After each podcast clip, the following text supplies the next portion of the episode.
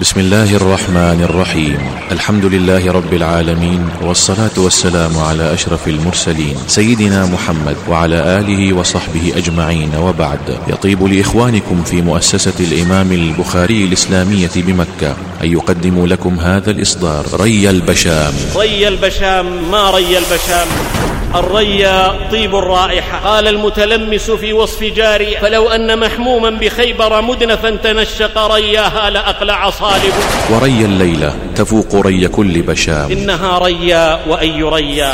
ريا بشام قد جرت في الدم مني وسرت. أعطر من ريح الصبا والروض قد تبلل ناطقة من غير ما لساني يغرى بها من كان في السودان أو كان بالحجاز أو عمان أو في ربوع النيل أو بغدان. كذاك من في الشام أو تطوان أو بأقاصي أرض تركستان. ري البشام في حياء وأمانة سيد الأنام عليه الصلاة والسلام. لقد كان حيا مع ربه عز وجل أعظم حياء وأكمله وأجل. حياء من بلغ أعلى مقامات الإحسان وجعل الحياء شعبة من شعب الإيمان. حياء من أنزل عليه المولى. ألم يعلم بأن الله يرى إنه الحياء إنه حياء من دخل عام الفتح مكة قد طأطأ رأسه حتى إن شعر لحيته ليمس واسطة رحله. وأما أمانته عليه الصلاة والسلام أسرى من الخيال أزكى من الغوالي كعنبر فائح من بيت عطار أو بارق لامع في هيدب ساري تغنى بها كل حاد وشاد فطارت مع البرق في جوه وصارت مع الشمس في كل حال. شهد له بالأمانة وليه وعدوه. لقد حمل أعظم أمانة حملها كاهل بشر في هذه الحياة وهي أمانة حفظ الوحي وتبليغه إلى الناس كافة. وما أرسلناك إلا كافة للناس بشيرا ونذيرا ولكن أكثر الناس لا يعلمون. ومضى في تبليغ رسالة الله صابرا لا يجزع وائم لا يتغير. حتى بلغ الرسالة وأدى الأمانة وأنزل الله سبحانه. اليوم أكملت لكم دينكم وأتممت عليكم نعمتي ورضيت لكم الإسلام دينا. ونحن بعد أكثر من أربعة عشر قرنا نشهد كما شهد خيار الأمة بأنه بلغ وأدى ونصح. فاللهم اشهد. يا أمة محمد صلى الله عليه وسلم اعتصموا بحبل الله جميعا ولا تفرقوا. جمعوا الشمل فإن الخلف عار واختلال الصف ذل وانكسار. كونوا الجدار الذي يقوى الجدار به. فالله قد جعل الإسلام بنيانا. واذكروا نعمة الله عليكم إذ كنتم أعداء فألف بين قلوبكم. لكن تحقق هذا الوعد مرهون بتحقيق شرطه فإن لم نحققه استبدلنا الله بمن يحققه ثم ينصره. يا أيها الذين آمنوا إن تنصروا الله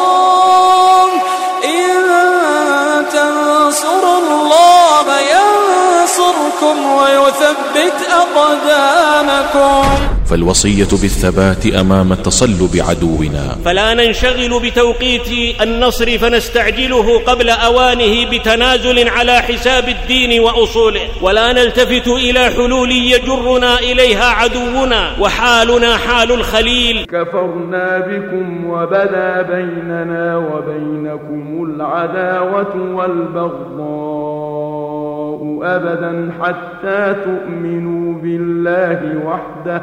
وفيه الأمر بأخذ الحذر وعدم وضع السلاح فذاك غاية ما يريد عدونا. يا أيها الذين آمنوا خذوا حذركم فانفروا ثبات أو انفروا جميعا. وصية الله لنبيه وللأمة خذوها بقوة. إعداد الكتائب والعدد كالحزم والرعد قوة والأخذ بكتاب الله الذي يدعو لذلك منبع القوة. وبذا وذا ستزول عاده عاديه التتار وتغادر القطعان مثقلة بعار الاندحار. فاستمسك بالذي أوحي إليك إنك على صراط مستقيم. حكموا الشرع إذا خالفت الشرع العقول. إنما العلم خروج عن شكوك لا دخول وفرار عن مهاو قد هوى فيها الجهول. ووقوف عند قال الله أو قال الرسول. رسالة إلى جنودنا المرابطين.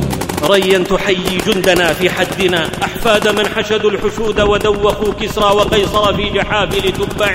فتحية للرابضين على الحدود كأنهم في بأسهم أطواد. من ضرجوا بدمائهم صحراءنا ببسالة قرت بها الأكباد. فهم الدروع الواقيات وهم لنا آباؤنا. والأهل والأولاد قالوا بإصرارهم للمستخف بهم. إن كنت ريحا فقد لاقيت إعصارا. وجرعوه كؤوسا غير سائغة لم يعصرا مثلها يوما وما شربا.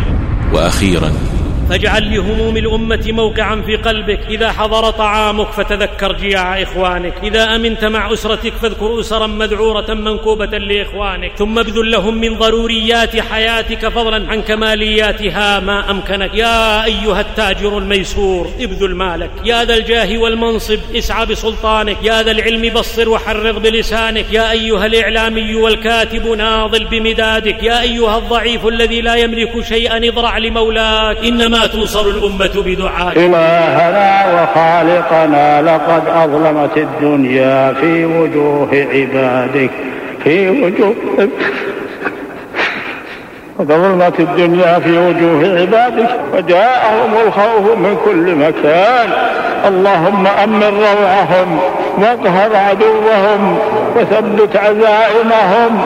و... مختصر القول معشر الإخوة لقد كان لكم في رسول الله أسوة فما لنا غير طريق المصطفى توصلنا لربنا على صفا. صلى عليه الله ما وابن هما وما دعا لله داع في الصفا. محاضرة لفضيلة الشيخ علي بن عبد الخالق القرني ري البشام والآن نترككم مع المحاضرة. الحمد لله. الحمد لله رب الناس ملك الناس إله الناس.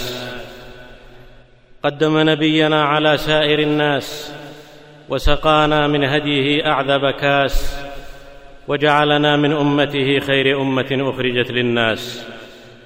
أحمده حمدا يدوم بدوام اللحظات والأنفاس وأشهد أن لا إله إلا الله شهادة ندخرها ليوم مجموع له الناس وأشهد أن محمدا عبده ورسوله سيد الناس وسراج الهداية والنبراس.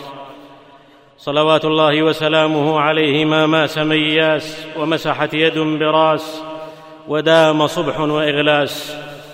وعلى آله وأصحابه ليوث الباس البررة الأكياس لا سيما الصديق الثابت يوم ردة الناس وعمر قاهر الجبابرة الأشراس وعثمان الصابر يوم الشهادة على مرير الكاس وعليا ذا النجدة وشدة الباس وعلى التابعين لهم بإحسان ما تلا تالي يا أيها الناس. وتعطرت الأفواه بذكر الله والصلاة والسلام على سيد الناس. صلى عليه بارئ العباد ما أمطرت سحب وسال وادي وهم المعصرات واخضر ايك وتغنت عليه ورق شوادي. يا أيها الذين آمنوا اتقوا الله حق تقاته واتقوا يوما ترجعون فيه إلى الله. أما بعد فيا من أحسبهم واسطة الأسلاك وبدور الأحلاك ودراري الأفلاك ومن امسوا نجوما في الدياجي وقد أضحوا رجوما للاعادي يكاد الضد يخفيهم وتأبى بدور التم أن تخفى بنادي سلام الله يغشاكم جميعا مع الرضوان ما مزن تهاما سلام لفظه عسل مصفى ومعناه كأرواح الخزامى سلام يعود به العائدون ويبقى صداه بريع الحجون فالسلام عليكم ورحمة الله وبركاته. سلام كلما دارت ببدر التم داراته كأن الورد رياه وأن الشمس هالاته. حياكم الله وأحياكم وحمى حماكم من الغير. ما بدا النجم في الدجى وأضى الشمس والقمر. أسبغ الله عليكم نعمه الوافرة وحباكم من خيري الدنيا والآخرة. أمدكم الله بالعافية وصير دور العدا عافية.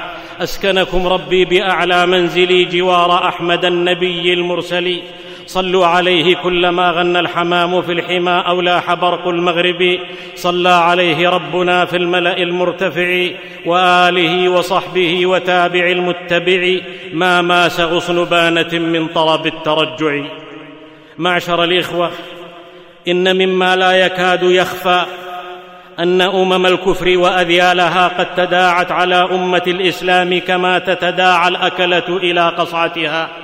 تستهدف دينها وأخلاقها وثوابتها ومقدساتها وثرواتها. على أخلاقها مدوا نصالا وألأم ما بها نصل أجير ودود الخل منه لا دخيل.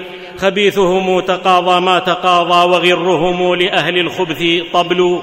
بنباحهم ونعابهم ونعيقهم ضجت مرابعنا وآذان الصخب فكأننا منهم نشاهد بيننا دعوى أبي جهل وكفر أبي لهب. أصابعها في النار تشوى ودودنا على جمرها المشبوب راح يهفف. فما قلب الناظر بصره في الأمة إلا رأى آلاما وغما ومحنا ولأواء يندى لها جبين الشرفاء. في بورما والهند والصين معاناة من الهندوس والبوذيين والوثنيين. وفي إفريقيا ذل يتولى كبره أمم النصارى والوثنيين. فمئات آلاف الألوف يهجرون ويؤدون. وقرى بأهلها يدمرها العتاة الماكرون. والذنب كل الذنب أن القوم قوم مؤمنون. وما خبر معاناة بلاد العرب من الباطنيين وأسيادهم وأذيالهم عنا ببعيد في الشام والعراق واليمن السعيد. هذه مجازرهم أمام عيوننا تدمي مناظرها حشى الصوان أشلاء طفل فوق جثة أمه وعويل عذراء على الإخوان. بردا يئن وللفرات مواجع لهما عيون هاملات الأدمع. تبكي شيوخا في الشوارع ذبحوا تبكي مذابح للصغار الرضع. نسفت مآذن والمساجد خربت تبكي هلاك الساجدين الركع. فلا الشيوخ نجت من هول ما ارتكبوا ولا النساء ولا المرضى ولا الزغب. هذه أشلاؤهم ترفع صوتا ربما يسمعها حر يغار. لم يزل يحلف بالله عراق أنه جاوز ما نال التتار. وهناك في الأقصى يجور يهودها وتجور في أحوازنا طهران. وفي كل قطر لوعة ومناحة من طفلة تبكي وشيخ مقعد ويتيمة تلوي إلينا جيدها تشكو الهوان بحسرة وتنهد قتل ونسف وتهجير ومذبحة قصف واباده وحصار وتجويع متعمد بمؤازرة شيوعية قيصرية وسكوت الرضا من القوى الغربية النصرانية التي لا تزال تنظر للمسلمين بنظرة لا تنفك عن عقيدة الحروب الصليبية كما حدث ولا زال يحدث في حمص ومضايا وتعز والغوطة وحلب وداريا والفلوجة وكل مدينة أبية. وفي المقابل تأتي الأخماس وغيرها لمحاصريهم من كل فج قريب أو بعيد وتصل الأسلحة لهم برا وبحرا وجوا دون ما رقيب أو حسيب. ومنظمات الدجل ومحاكم الظلم وغيرها من المؤسسات الحقوقية التي تهب لأجل رجل واحد لا تنبس بكلمة مفيدة ولا غرابة. فالكفر والعملاء وجها عملة مغشوشة فلتسال التجار قانونهم للمجرمين يسخر. وكأن قتل الأبرياء أمامهم ألعاب أطفال بها تتندر. فالقتل حرام إلا أن يكون القتيل مسلما والإجرام لا يكون ارهابا إلا إن كان المتهم به مسلما. ففي قوانين العجماء لا يعيش الضعفاء. إن من كان ضعيفا أكلته الأقوياء. فقل لضعيف راح يسأل رحمة رويد كما في الغاب للضعف راحم. ومن طلب البحر ماء نميرا ليروى فقد طلب المستحيلا لتتبين الحقيقة التي يجب أن نعيها. وهي أن على الأمة أن تعرف عدوها وترفع وعيها وتوحد صفها وتستنهض هممها وتوقن أن لا شرعية لغير شرع الله ومنهاجه وأمره جل وعلا وتوقن أن المسلك الذي يخيف المتربص بنا ويكف الصائل عنا وقد أمر به ربنا وحث عليه بالقول والفعل نبينا هو القوة بالفهم العام للقوة كما في قول الله ذي القوة وأعدوا لهم ما استطعتم من قوة. والقوة الحق لم يهزمه طاغية وإن تمكن من تدمير بلدان. الحق قوة وبذرة الحق لا تترعرع إلا على تربة القوة. ولن تنفي الأمة الضيم عنها إلا بقوة. تذكر العلج أن الحق منتصر وأن للدين حصنا غير مقتحم في وسطه أسد جاث على الركب له جند من الرعب مع الهندية القضب فما يشفي صداع الرأس مثل الصارم العظب والقوة التي لا يعدلها قوة هي اتخاذ كتاب الله منهاج حياة بقوة. ففيه أن ما يجري على الأمة سنة من سنن الله في تمحيص وابتلاء الأمة. ذلك ولو يشاء الله لانتصر منهم ولكن ليبلو بعضكم ببعض. والأمة في عمومها مبتلاه علماؤها مبتلون في قول كلمة الحق ومساندة الحق وأهله ومدافعة الباطل وأهله. ومجاهدوها مبتلون في إخلاصهم والتخلص من حظوظ أنفسهم ودنياهم ومبتلون في اجتماعهم وتوحيد صفهم. والأمة مبتلاه في تحديد موقفها وولائها مع الإسلام وأهله أم مع الكفر والنفاق وأهله حتى يميز الخبيث من الطيب. وفيه أن هذه الشدائد والنوازل مقدمة وممهدة لنصر وتمكين قريب حتى يقول الرسول والذين آمنوا معه متى نصر الله ألا إن نصر الله قريب وعد الله لا يخلف الله وعده. لكن تحقق هذا الوعد مرهون بتحقيق شرطه فإن لم نحققه استبدلنا الله بمن يحققه ثم ينصره. إن تنصروا الله ينصركم ويثبت أقدامكم وإن تتولوا يستبدل قوما غيركم. وفيه أن للظالم نهاية ولكن الله يملي له. ولا يحسبن الذين كفروا أنما نملي لهم خير لأنفسهم إنما نملي لهم ليزدادوا إثما. وتلك القرى أهلكناهم لما ظلموا. وفيه الأمر بأن نكون صفا واحدا بلا وهن ولا حزن. ولا تنازعوا فتفشلوا وتذهب ريحكم. ولا تهنوا ولا تحزنوا. وفيه الوصية بالثبات أمام تسلط عدونا. فلا ننشغل بتوقيت النصر فنستعجله قبل أوانه بتنازل على حساب الدين وأصوله. ولا نلتفت إلى حلول يجرنا إليها عدونا. وحالنا حال الخليل كفرنا بكم وبدا بيننا وبينكم العداوة والبغضاء أبدا حتى تؤمنوا بالله وحده. وفيه الأمر بأخذ الحذر وعدم وضع السلاح فذاك غاية ما يريد عدونا. خذوا حذركم فانفروا ثبات أو انفروا جميعا. ود الذين كفروا لو تغفلون عن أسلحتكم وأمتعتكم فيميلون عليكم ميلة واحدة وأولا وآخرا فاستمسك بالذي أوحي إليك إنك على صراط مستقيم وصية الله لنبيه وللأمة خذوها بقوة إعداد الكتائب والعدد كالحزم والرعد قوة والأخذ بكتاب الله الذي يدعو لذلك منبع القوة. وبذا وذا ستزول عادية التتار وتغادر القطعان مثقلة بعار الاندحار وتقول في رعب وذل وانكسار عاد ابن مكتوم برايته يزمجر في القفار وابن الوليد بسيفه المسلول يجتاح الصحاري ويقول في ثقة بالانتصار يا جذوة التوحيد ما لك مطفئ والله جل جلاله مذكيك. والله ما ريضت أسودك أمتي هي في العرين بظفرها والناب.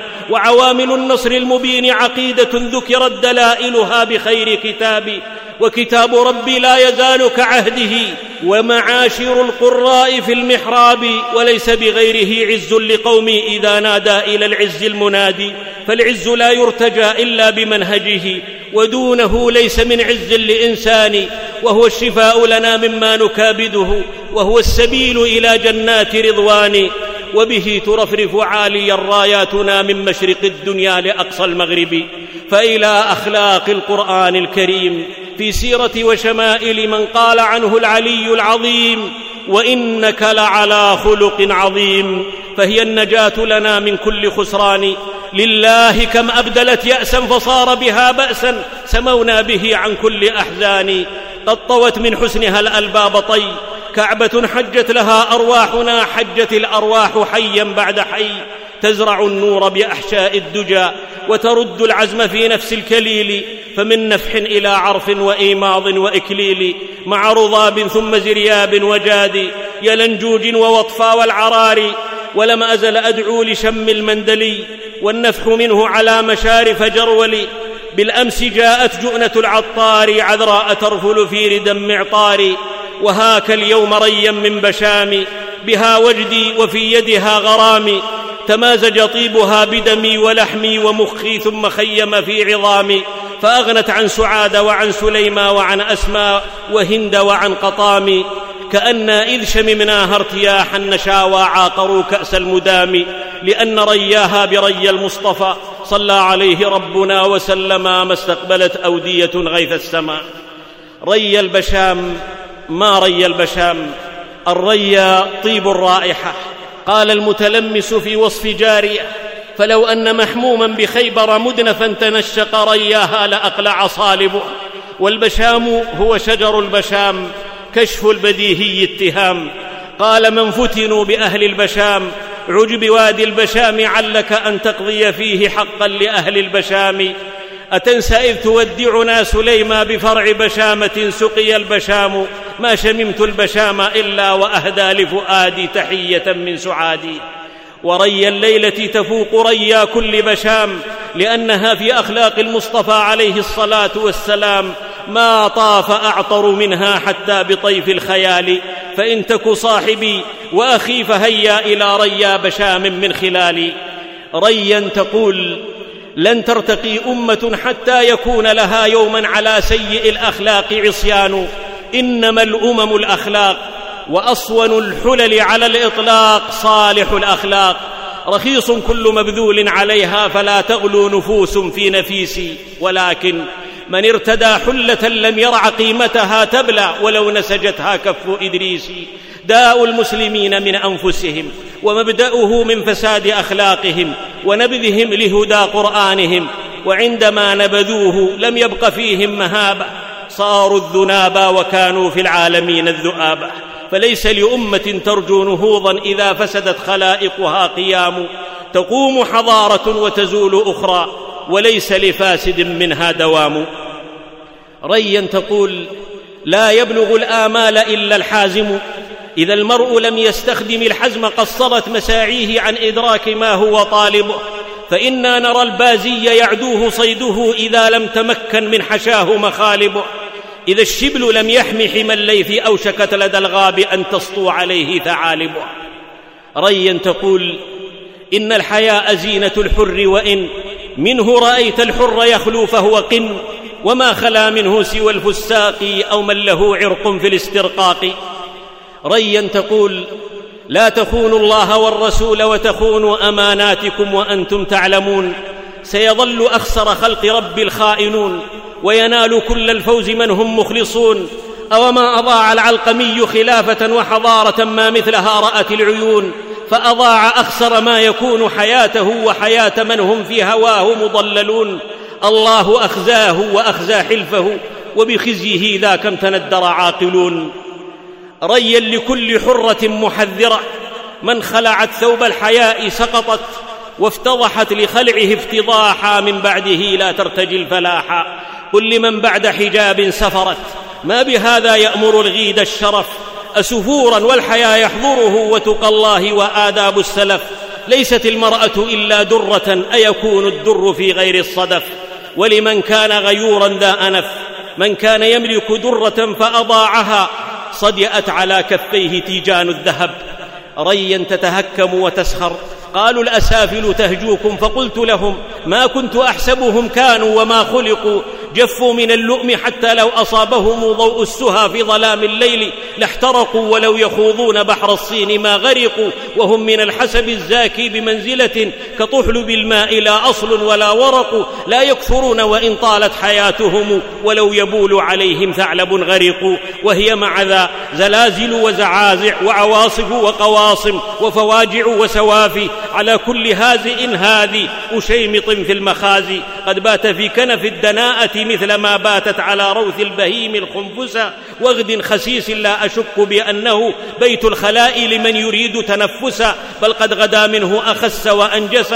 له وجهان ظاهره ابن قرد وباطنه ابن زانية عتيق. رذيل وذيل ضئيل بئيل سفيه فهيح حقير دحير دعي. يحاول النيل من جناب العلي ومقام النبي وكل ثابت وتابع أبي. قائلة يا ابن الخنا أمن شبهة أنت أم من زنا؟ تأخر عن الأحرار إنك خاسئ وإنك عنهم قاصر الباع واليد. هلا هزئت بغيرنا يا خوتع؟ هزلت وبان من الهزال الأضلع. ما أنت إلا القرد بل أنذلوا ولست أيضا من ملاح القرود. تلك قرود غير ممسوخة وأنت قرد من قرود اليهود. يا دودة الكنيف وفروة المصيف وأقل من بغل وأذل من نعل. ألخسأ لست بالندس الهمام ومثلك للطهارة عنه حامي. لأنك كلب من كليب لكلبة غذتك كلاب من خبيث المطاعم. ما ازددت حين سخرت إلا خسة. والبحر ليس مطهرا من كنة فالكلب أنجس ما يكون إذا اغتسل. ماذا يقول امرؤ غشاك مدحته؟ إلا ابن عاوية أو فرخ زنديق. بمارنك الرغامة والرغام. سمانا لا تضام ولا ترام.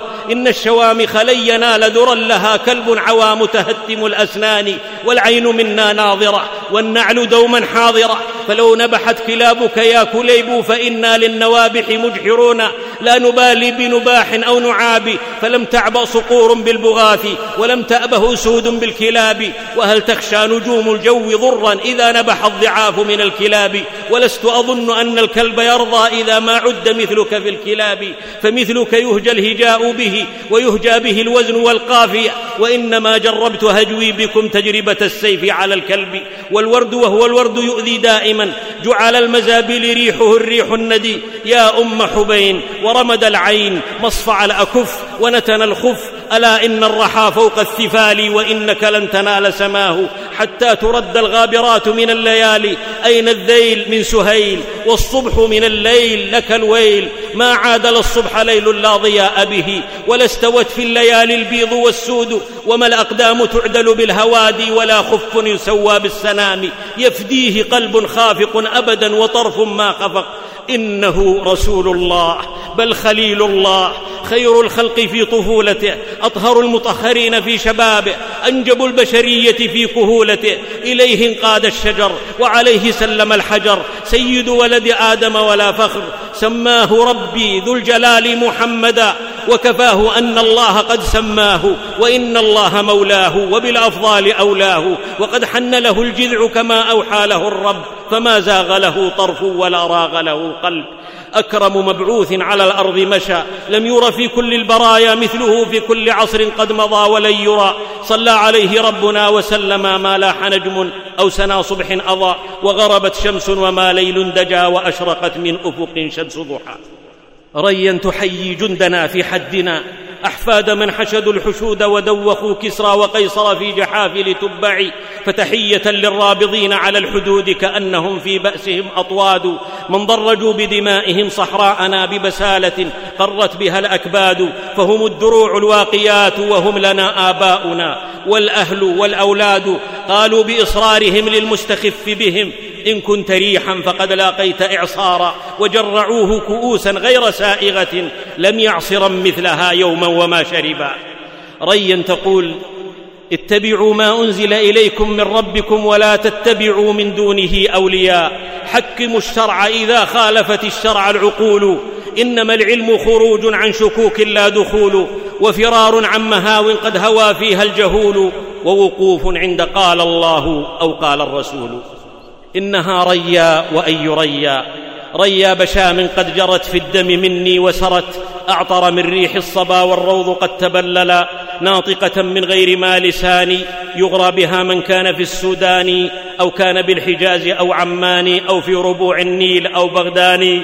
كذاك من في الشام أو تطوان أو بأقاصي أرض تركستان. ألقى بها هاروت من نفثاته سحرا تباع به القلوب وتشترى. إذا ما تاملها مدنف عليل سقيم الفؤاد اشتفى صح معتل الهوى في ذكرها عللاني بهواها عللاني. ري البشام في حياء وأمانة سيد الأنام عليه الصلاة والسلام. وحياؤه ما حياؤه ألطف من أزاهر الرياض وماء مزنة على رضراض. أقسم بالذي على العرش استوى ما إن له في الناس ند في الحياء. يقول من ناظر في حيائه ما بعد هذا غاية ومنتهى. كان صلى الله عليه وسلم أعظم الناس حياء وأكثرهم عن العورات إغضاء. روى الشيخان عن أبي سعيد رضي الله عنه قال كان صلى الله عليه وسلم أشد حياء من العذراء في خدرها. والعذراء السوية معشر الإخوة مضرب المثل في الحياء فهي لا تكاد تخاطب وتقابل النساء فضلا عن الرجال لفطرة الحياء. ورسول الله صلى الله عليه وسلم أعظم منها حياء. لا يفصح عما يكرهه من أمور الدنيا وإذا كره شيئا عرف في وجهه المفعم بالحياء. وجه عليه من الحياء سكينة ومحبة تجري مع الأنفاس وإذا أحب الله يوما عبده أجرى عليه محبة في الناس. كان صلى الله عليه وسلم حييا حياء لازما له في كل أحيانه وأحواله. في طفولته وشبابه وكهولته حييا قبل أن يوحى إليه وأشد حياء بعدما أوحي إليه حييا مع ربه حييا مع أمته حييا مع نفسه. أبرز أخلاق دينه الحياء إن لكل دين خلقا وإن خلق الإسلام الحياء. صلى عليه الله من همر الحياء وكسى وجوه الغانيات الحياء. لقد كان حييا مع ربه عز وجل أعظم حياء وأكمله وأجله. حياء من بلغ أعلى مقامات الإحسان وجعل الحياء شعبة من شعب الإيمان. حياء من أنزل عليه المولى ألم يعلم بأن الله يرى. حباه الله ما لم يعط خلق عليه صلاة ربي والسلام. إنه حياء من دخل عام الفتح مكة قد طأطأ رأسه حتى إن شعر لحيته ليمس واسطة رحله. حياء من أمر معاوية بن حيدة بحفظ عورته إلا من زوجه أو ما ملكت يمينه. فلما قال له أرأيت إن كان أحدنا خاليا يا رسول الله؟ قال فالله أحق أن يستحيا منه. حياء من إذا ما خرج للخلاء أبعد وإن لم يره أحد واستتر بساتر من هدف أو حائش نخل ولم يرفع ثوبه حتى يدنو من الأرض. ومن قال إن الله حيي ستير يحب الحياء والستر فإذا اغتسل أحدكم فليستتر. حياء من بلغ ذروة الحياء من الله وقوفا عند حدوده وحفظا لعهوده. امرا أمته جمعاء استحيوا من الله حق الحياء. مبينا أن من حفظ الرأس وما وعى والبطن وما حوى وذكر الموت والبلا وأراد الآخرة وترك زينة الدنيا فقد استحيا من الله حق الحياء.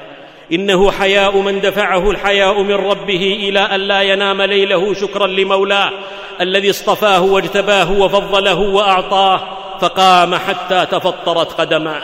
إنه حياء من حاله حال ملائكة الله.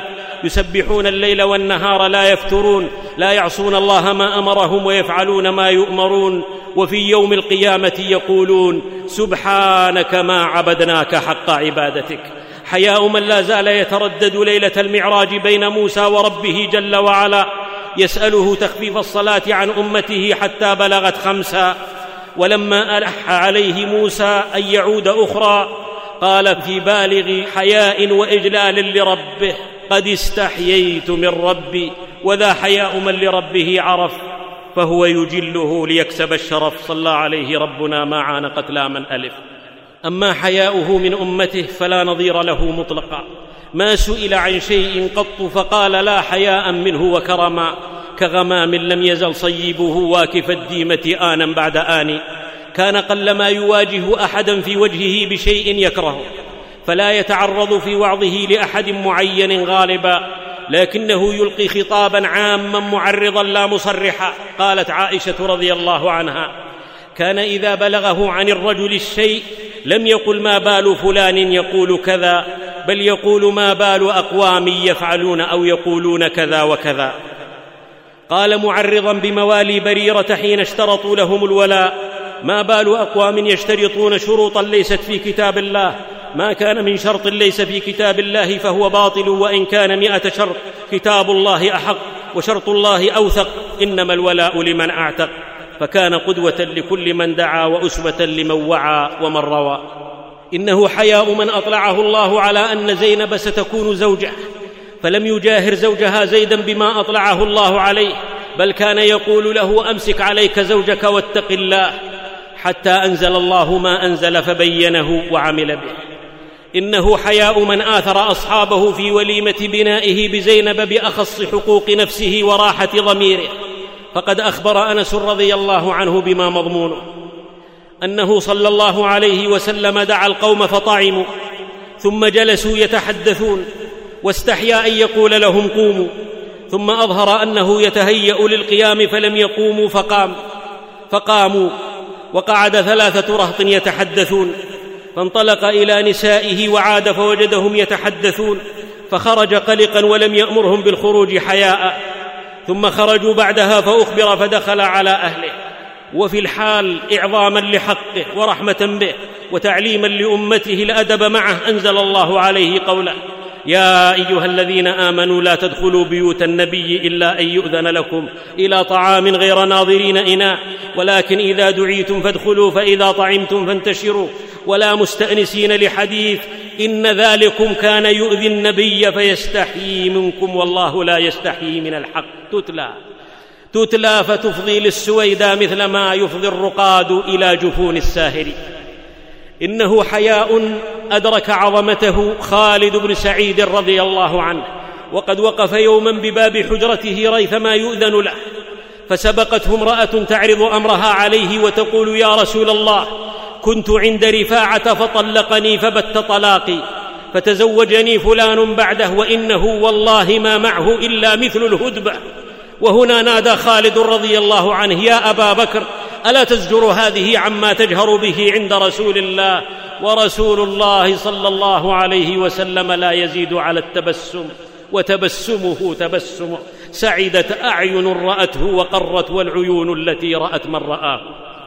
إنه حياء نقلت لنا عائشة رضي الله عنها مشهدا من مشاهده مضمونه أن امرأة من الأنصار سألته كيف تغتسل من حيضتها فعلمها ثم قال خذي فرصة من مسك فتطهري بها.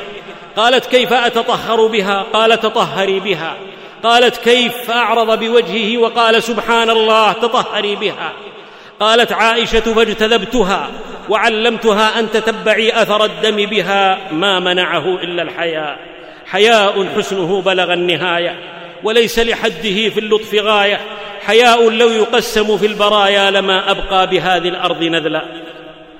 حياء من قال وما أجمل مقاله ما كان الفحش في شيء إلا شانه وما كان الحياء في شيء إلا زانه صلى عليه الله من همر الحياء وكسى وجوه الغانيات الحياء أما حياؤه من نفسه فحياء من أعف لسانه وجمل منطقه وصان خلوته وجلوته قالت عائشة رضي الله عنها عن جلوته لم يكن فاحشا ولا متفحشا ولا صخابا في الأسواق وقالت عن خلوته افتقدته ذات ليلة فظننت أن قد ذهب إلى بعض نسائه فتحسست في الظلمة فإذا هو راكع أو ساجد يقول سبحانك وبحمدك لا إله إلا أنت فقلت بأبي أنت وأمي إني لفي شأن وإنك لفي آخر بروحي أنت لا وحدي ولكن فداك الناس من قاص ودع.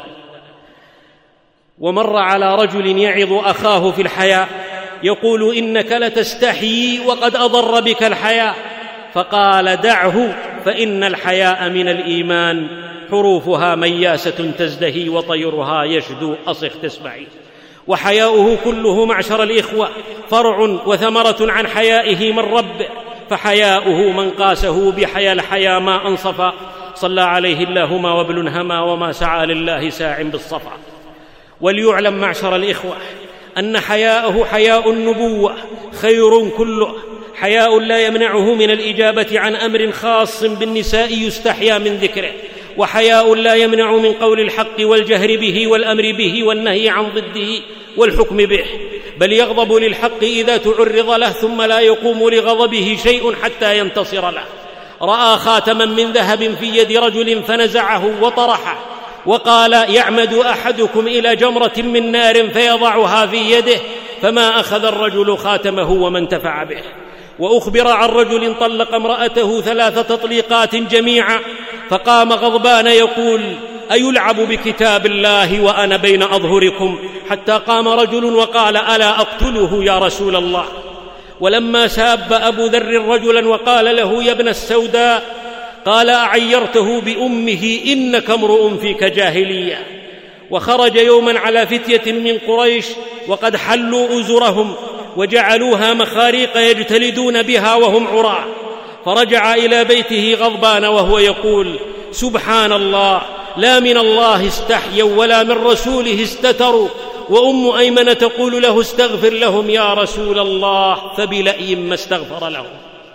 ولما قالت له أم سليم يا رسول الله إن الله لا يستحيي من الحق فهل على المرأة من غسل إذا هي احتلمت? قالت عائشة فضحت النساء تربت يمينك. قال بل أنت فتربت يمينك. نعم فلتغتسل إذا هي رأت الماء. فكان حقا حقا أحيا من العذراء في خدرها لكنه في الحق كالمنتظى. صلى عليه ربنا وسلم ما استقبلت أودية الغيث السماء. وحياؤه صلى الله عليه وسلم حياء حازم وعازم فهو الحي ومن لله غضبته وكل جرح بما داواه يندمل. الحازم الشهم الذي خضعت له شم الأنوف وكل جحجاح سري فحزمه بالليل شمس الضحى وعزمه كالسيف في حده. في عام الحديبية وهو متوجه إلى مكة قال ما مضمونه ويح قريش لقد أكلتهم الحرب ماذا عليهم لو خلوا بيني وبين الناس؟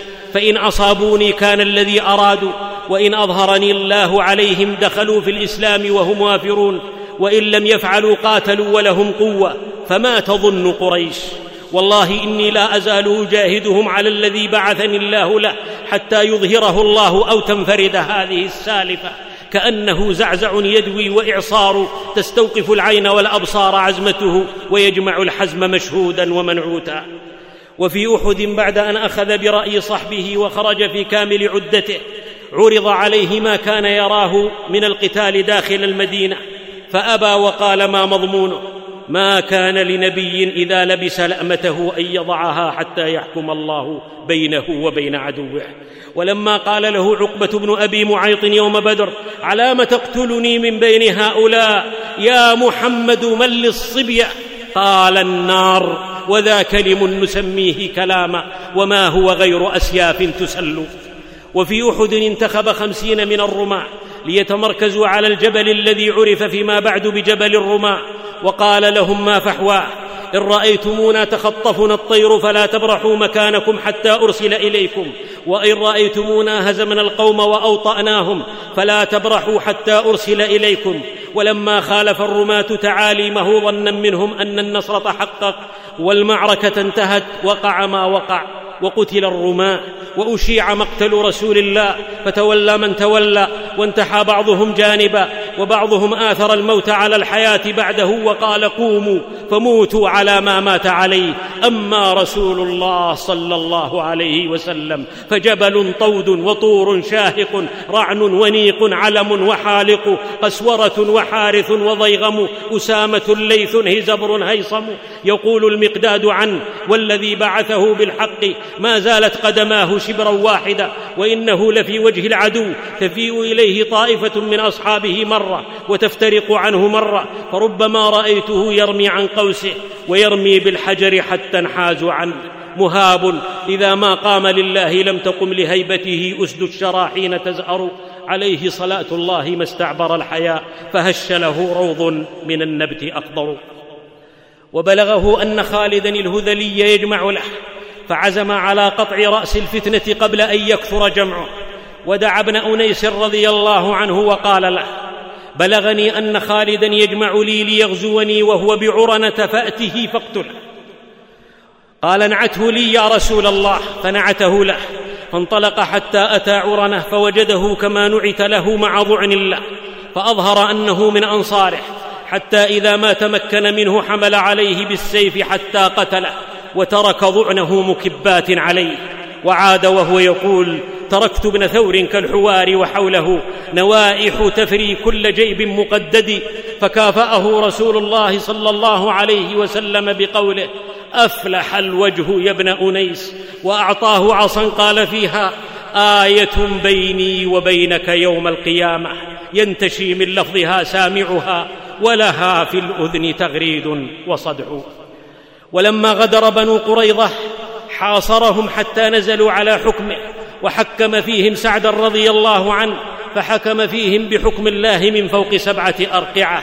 يقتل الرجال وتقسم الأموال ويسبى النساء والذرية. فسيق الأراذل سوق الغنم وجيء بابن أخطب وقد جمعت يداه إلى عنقه. ألم يمكن الله منك يا عدو الله؟ قال بلى والله ما لمت نفسي في عداوتك.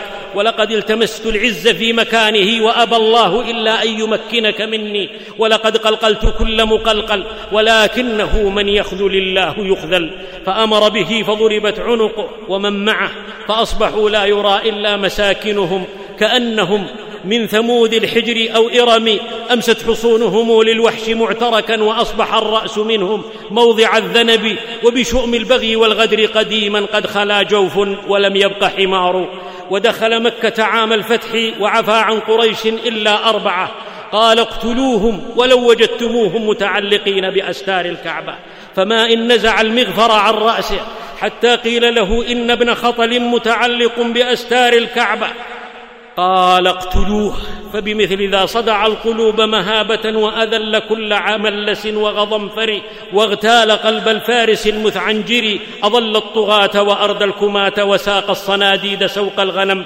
رقاهم ببيض السيوف الحداد فما برح الداء حتى انحسم. هذا رسول الله مثل أعلى للحزم والحياء حيي وأما على مارق فكالسيف لا يزدريه ليان. له عند ضيق مجال الرجال عزائم ليست لبيض الظبا الحيا في هديه لا يأتي إلا بخير ولا يدعو إلا إلى خير. وما دعا لغير الخير عجز وخور وليس بحياء سيد البشر.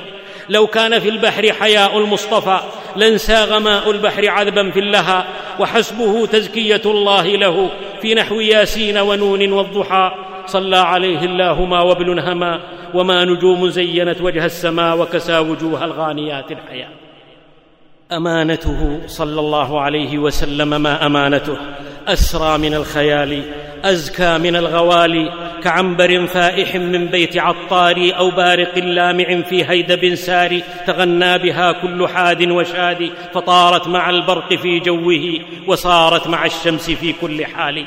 إنه صلى الله عليه وسلم أمين أمناء الأرض في طولها والعرض للأمانة بصر وسمع وفرد دونه الجمع والناس مختلفون في آرائهم لكنهم فيه على الأمانة اجمعوا مطبوع على الأمانة معروف بها من نعومة أظفاره. فما برح قومه يدعونه الأمين ثم أجمعوا على تلقيبه بالأمين وهو في الخامسة والثلاثين. لما اختلفوا في من ينال شرف وضع الحجر الأسود في محله وكادوا يقتتلون. ثم اتفقوا على تحكيم أول داخل فإذا هو الأمين فلم يتسرب إليهم أدنى شك في أنه قد يحابي فئة على فئة وأعلنوا جميعا رضينا بالأمين. صلى عليه الله ما أبدت الورقاء في الأوراق اشجى فنون وما سرى في البر سار وما هبت صبا أو عام في البحر نون. ما حفظت له غدرة وما عرفت له زلة قبل البعثة كانت نفائس قومه وديعة عنده. ليس أحد منهم يخشى على شيء إلا وضعه عنده ولم يكن هذا لأحد قط قبله. أما بعد البعثة فكان صورة فريدة في تاريخ الأمناء والأمانة. ناصبه قومه العداوة واضطهدوا أتباعه واضطروه إلى أن يذهب إلى الطائف بحثا عن بيئة صالحة لدعوته.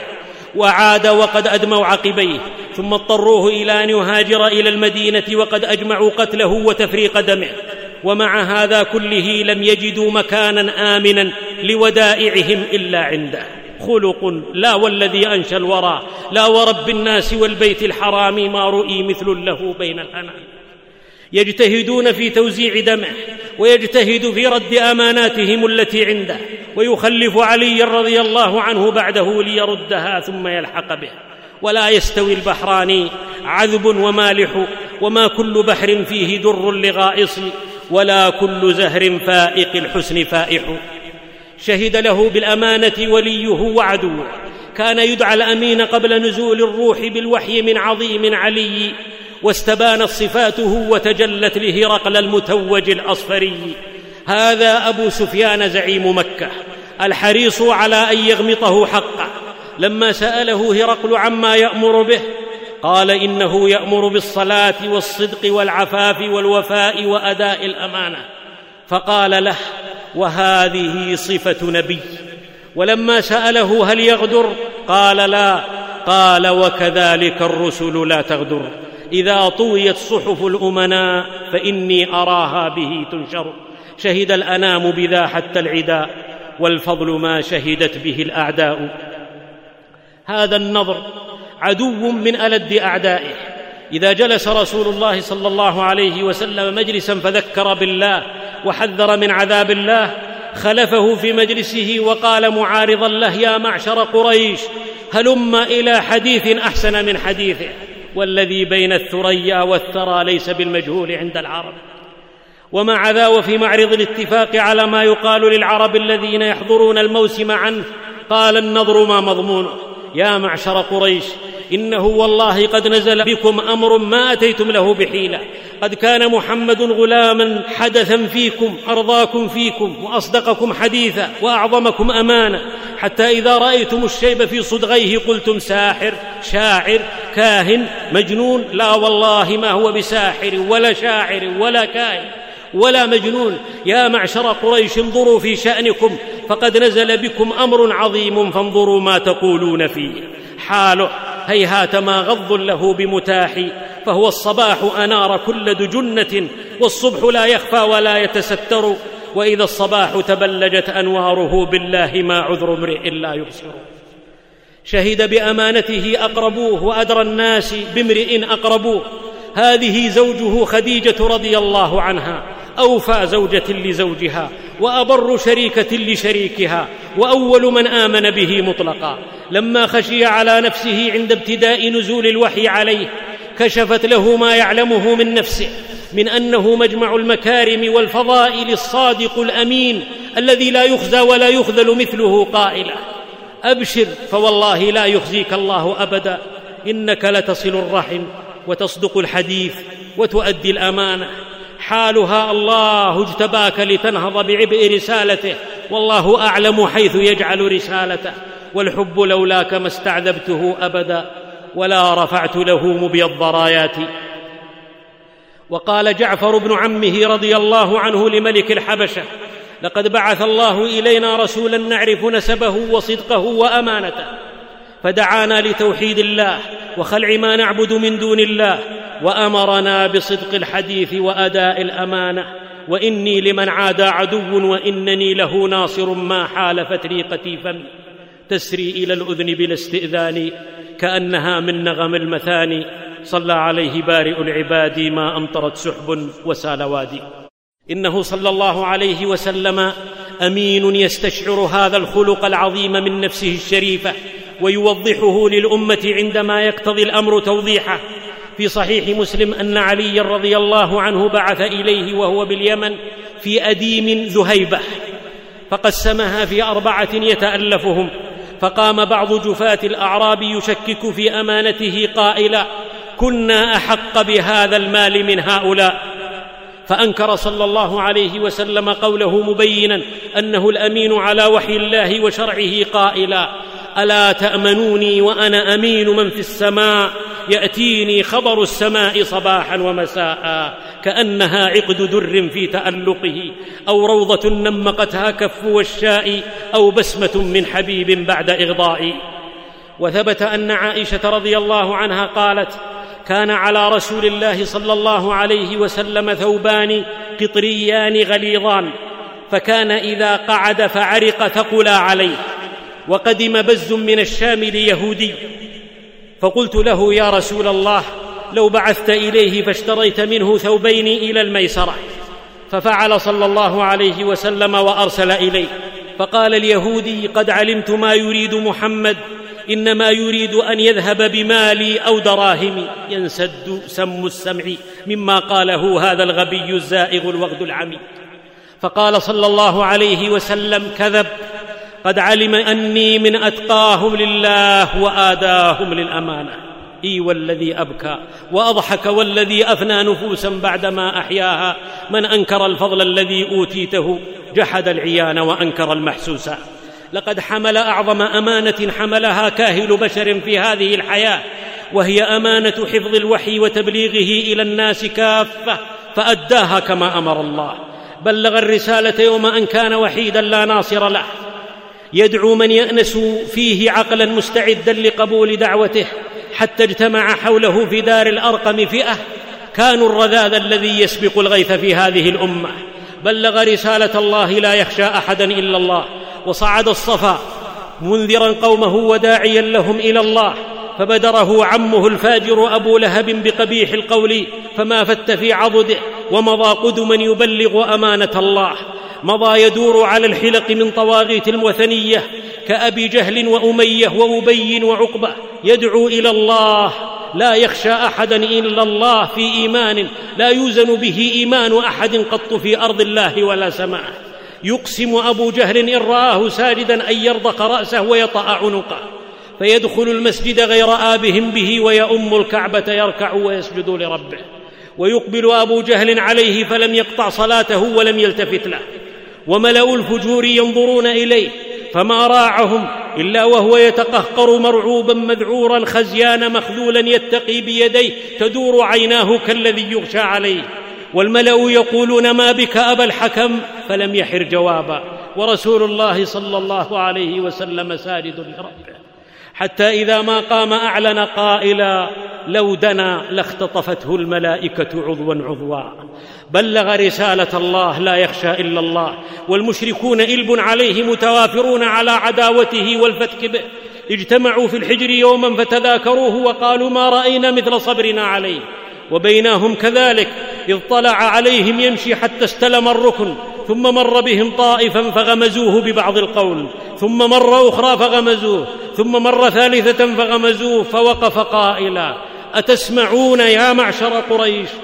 أما والذي نفسي بيده لقد جئتكم بالذبح فأخذتهم كلمته وبهتوا كأن على رأس كل منهم طائرا وإن أشدهم تحريضا عليه ليرفعه بأحسن القول قائلا انصرف يا أبا القاسم فوالله ما كنت جهولا. ولما كان من الغد اجتمعوا في الحجر وقالوا يلوم بعضهم بعضا ذكرتم بالأمس ما بلغ منكم حتى إذا باداكم بما تكرهون تركتموه فبينهم كذلك إذ طلع رسول الله صلى الله عليه وسلم فوثبوا له وثبه رجل واحد وأحاطوا به وقالوا أنت الذي قلت في آلهتنا كذا وكذا فقال في شجاعة تخر لها الجبال ما معناه نعم أنا الذي أقول ذا. فأطرق منهم كل من كان ينطق وما هم إلا بائل من مخافة وآخر منهم ظل بالريق يشرق. ومضى في تبليغ رسالة الله صابرا لا يجزع دائبا لا يفتر حتى بلغ الرسالة وأدى الأمانة وأنزل الله سبحانه. اليوم أكملت لكم دينكم وأتممت عليكم نعمتي ورضيت لكم الإسلام دينا. ثم أشهد في أشرف مكان وزمان أهل الموقف وهم نحو مائه ألف على تبليغه. فقالوا نشهد أنك بلغت وأديت ونصحت. فقام يرفع إصبعه إلى السماء وينكتها إلى الناس ويقول اللهم اشهد ونحن بعد أكثر من أربعة عشر قرنا نشهد كما شهد خيار الأمة بأنه بلغ وأدى ونصح. فاللهم اشهد. حباه الله من كرم السجايا وتلك عطية الباري تعالى. فسل أصول الدين مع فروعه من ذا الذي أحكمها وشيدا صلى عليه ربنا وسلم ما استقبلت أودية غيث السماء. الأمانة في هديه عامة تدخل كل ميادين الحياة الخاصة والعامة. اختيار من يصلح للإمارة أمانة. في الصحيح أنه قال إنا لا نولي هذا الأمر من سأله ولا من حرص عليه. وقال لابن سمرة لا تسأل الإمارة فإنك إن أوتيتها عن مسألة وكلت إليها وإن أوتيتها من غير مسألة أعنت عليها. وروي عنه من استعمل رجلا على عصابة وفيهم من هو أرضى لله منه فقد خان الله ورسوله. ومن ولي من أمر المسلمين شيئا فأمر عليهم احدا محاباه فعليه لعنة الله. وثبت عنه إنها أمانة وإنها يوم القيامة خزي وندامه إلا من أخذها بحقها وأدى الذي عليه فيها. وثبت عنه إذا ضيعت الأمانة فانتظر الساعة. إذا وسد الأمر لغير أهله فانتظر الساعة. لكل غادر لواء يوم القيامة يرفع له بقدر غدره. ألا ولا غادر أعظم غدرا من أمير عامه من استعملناه على عمل فكتمنا مخيطا فما فوقه. كان غلولا يأتي به يوم القيامة.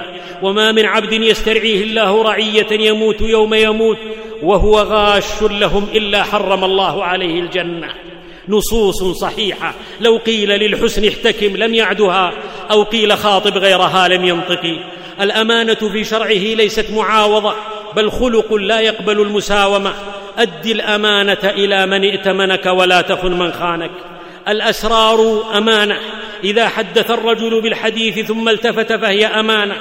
وإن من أشر الناس عند الله منزلة يوم القيامة الرجل يفضي إلى امرأته وتفضي إليه ثم ينشر سرها النصح والاستشارة أمانة. لما أكرمه أبو الهيثم رضي الله عنه قال مكافئا له هل لك من خادم؟ قال لا. قال فإذا أتانا سبي فأتنا. فاتي برأسين لا ثالث لهما. فأتاه أبو الهيثم رضي الله عنه فقال له اختر منهما. فقال يا نبي الله اختر لي. فقال إن المستشار مؤتمن خذ هذا فإني رأيته يصلي واستوص به معروفا. فأخذه إلى امرأته وأخبرها بالوصية فيه فقالت ما أنت ببالغ ما قال فيه رسول الله صلى الله عليه وسلم إلا أن تعتقه فأعتقه. والمؤمنون نصحه. والمنافقون غششه وفي الأمانة أفعال له درر بل غرر يجتليها السمع والبصر. لقد أبت عليه أمانته صلى الله عليه وسلم أن تخدش حتى في إشاراته وإيماءاته. لما جيء له بمن أهدر دمه لارتداده وافترائه عليه ليبايعه ابى وبعد ثلاث بايعه ثم قال لأصحابه ما معناه؟ أما كان فيكم رجل رشيد قام إليه حين رآني كففت عن بيعته فقتله. فقالوا ما ندري يا رسول الله ما في نفسك. هل لا اومات لنا بعينك؟ فقال أما إنه لا ينبغي لنبي أن تكون له قائنة الأعين. ما زال فينا عطرها يفوح وعرفها تنعش منه الروح ونورها يأخذ بالأبصار وذكرها يشيع في الأقطار. إذا ما ودع مسافرا استودع الله دينه وأمانته وقلما خطب إلا قال لا إيمان لمن لا أمانة له ولا دين لمن لا عهد له. قول من الذهب النضار حروفه ولكم بسوق القول من زياف في كل أذن منه شنف زانها ما أجمل الآذان بالاشناف إنها أمانة يشمخ بها الأنف ويرنو لها الطرف لم أستمع مثلا لها في حسنها لم أبصر. إنها أمانة من أنزل عليه. إنا عرضنا الأمانة. وإن الله يأمركم أن تؤدوا الأمانات إلى أهلها. وإن الله لا يحب الخائنين. وأن الله لا يهدي كيد الخائنين. أمانة من زكاه العلي العظيم. وإنك لعلى خلق عظيم. فيا أيتها الأمة لقد كان لكم في رسول الله أسوة. أسوة لم يفز بها قط إلا من اتقى. صلى عليه الله ما وابن هما وما سعى لله ساع بالصفا. وبعد إخوتي هذا رسول الله. شمائله سرت شرقا وغربا كضوء الشمس إذ بان النهار. ما رأينا شبيها لها لا ولا سمعتها أذن. ما عرفت البشرية أشد حياء منه. وما دب على البسيطة من هو أعظم أمانة منه. ولم ير مثله في الناس حي وليس له. من الموتى عديل. زكاه ربه وشهد له خصمه. شواهد حيائه وأمانته لا تكاد تحصى قد حار في حصرها الشم الالباء عرضت حفظت شيئا وغابت عني اشياء والنمل يعذر في القدر الذي حمل. إذا الله العظيم عليه أثنى. فماذا الناس حينئذ تقول؟ صلى عليه الله ما وابل هما وما سعى لله ساع بالصفا. بتلكم الأخلاق سجل أتباعه صلى الله عليه وسلم صفحات مائسات الأعطاف مستعذبات القطاف أزهى من زهر الربا وألطف من نسيم الصبا وألذ من أيام الصبا أنقى وأصفى من قطار الغيم كأنها اللقاء بعد البين أو عودة الإنصاف بعد الضيم أفصح في التبيان من سحبان يغدو بها السامع كالنشوان متى شدوت بها أصغى الوجود لها فللوجود كما للناس آذان هذا أبو بكر رضي الله عنه وعمن ترضى عنه. بحر الأمانة والحياء صديق أمة أحمد بعدا لمبغضه وقبحا. يقول يوما ما استحيوا من الله حق الحياء هو الذي نفسي بيده إني لاظل حين أذهب إلى الغائط متقنعا. حياء من الله جل وعلا. من طيبها طاب الشذا. منها ثملت وما شربت القرقفاء وذاكم عمر رضي الله عنه. سلس القياد لما يرى فيه رضا الرحمن صعب حين يخشى الماثما في يوم قائض شديد حره رأى عثمان رضي الله عنه رجلا معتما بردائه يسوق بكرين من الإبل. فقام وأخرج رأسه فإذا لفح السموم في وجهه فأعاد رأسه. وانتظر حتى مر به فإذا هو أمير المؤمنين. عمر رضي الله عنه. فقال ما أخرجك الساعة يا أمير المؤمنين؟ قال بكران من إبل الصدقة تخلفا فأردت أن ألحقهما بالحمى وخشيت أن يسألني الله عنهما. قال عثمان أنا أكفيك وهلم إلى الظل والماء. قال عد إلى ظلك يا عثمان ومضى. ولما جيء له بمال الفيء قال والله الذي لا إله إلا هو ما أحد إلا وله في هذا المال حق ولأعطين الراعي نصيبه منه وهو بجبل صنعاء ودمه في وجهه تصغي لها أذن ويطرب مسمع تنفي الهموم عن الفؤاد وتسلب وذاكم عثمان ذو النورين ذو الحلم والحيا بغير مين بحر العلوم جامع القرآن منه استحت ملائك الرحمن ما مس عورته بيمينه مذ بايع بها رسول الله صلى الله عليه وسلم. أمين على مال الله. قال عروة رحمه الله أدركت زمن عثمان وما من نفس مسلمة إلا ولها حق في مال الله.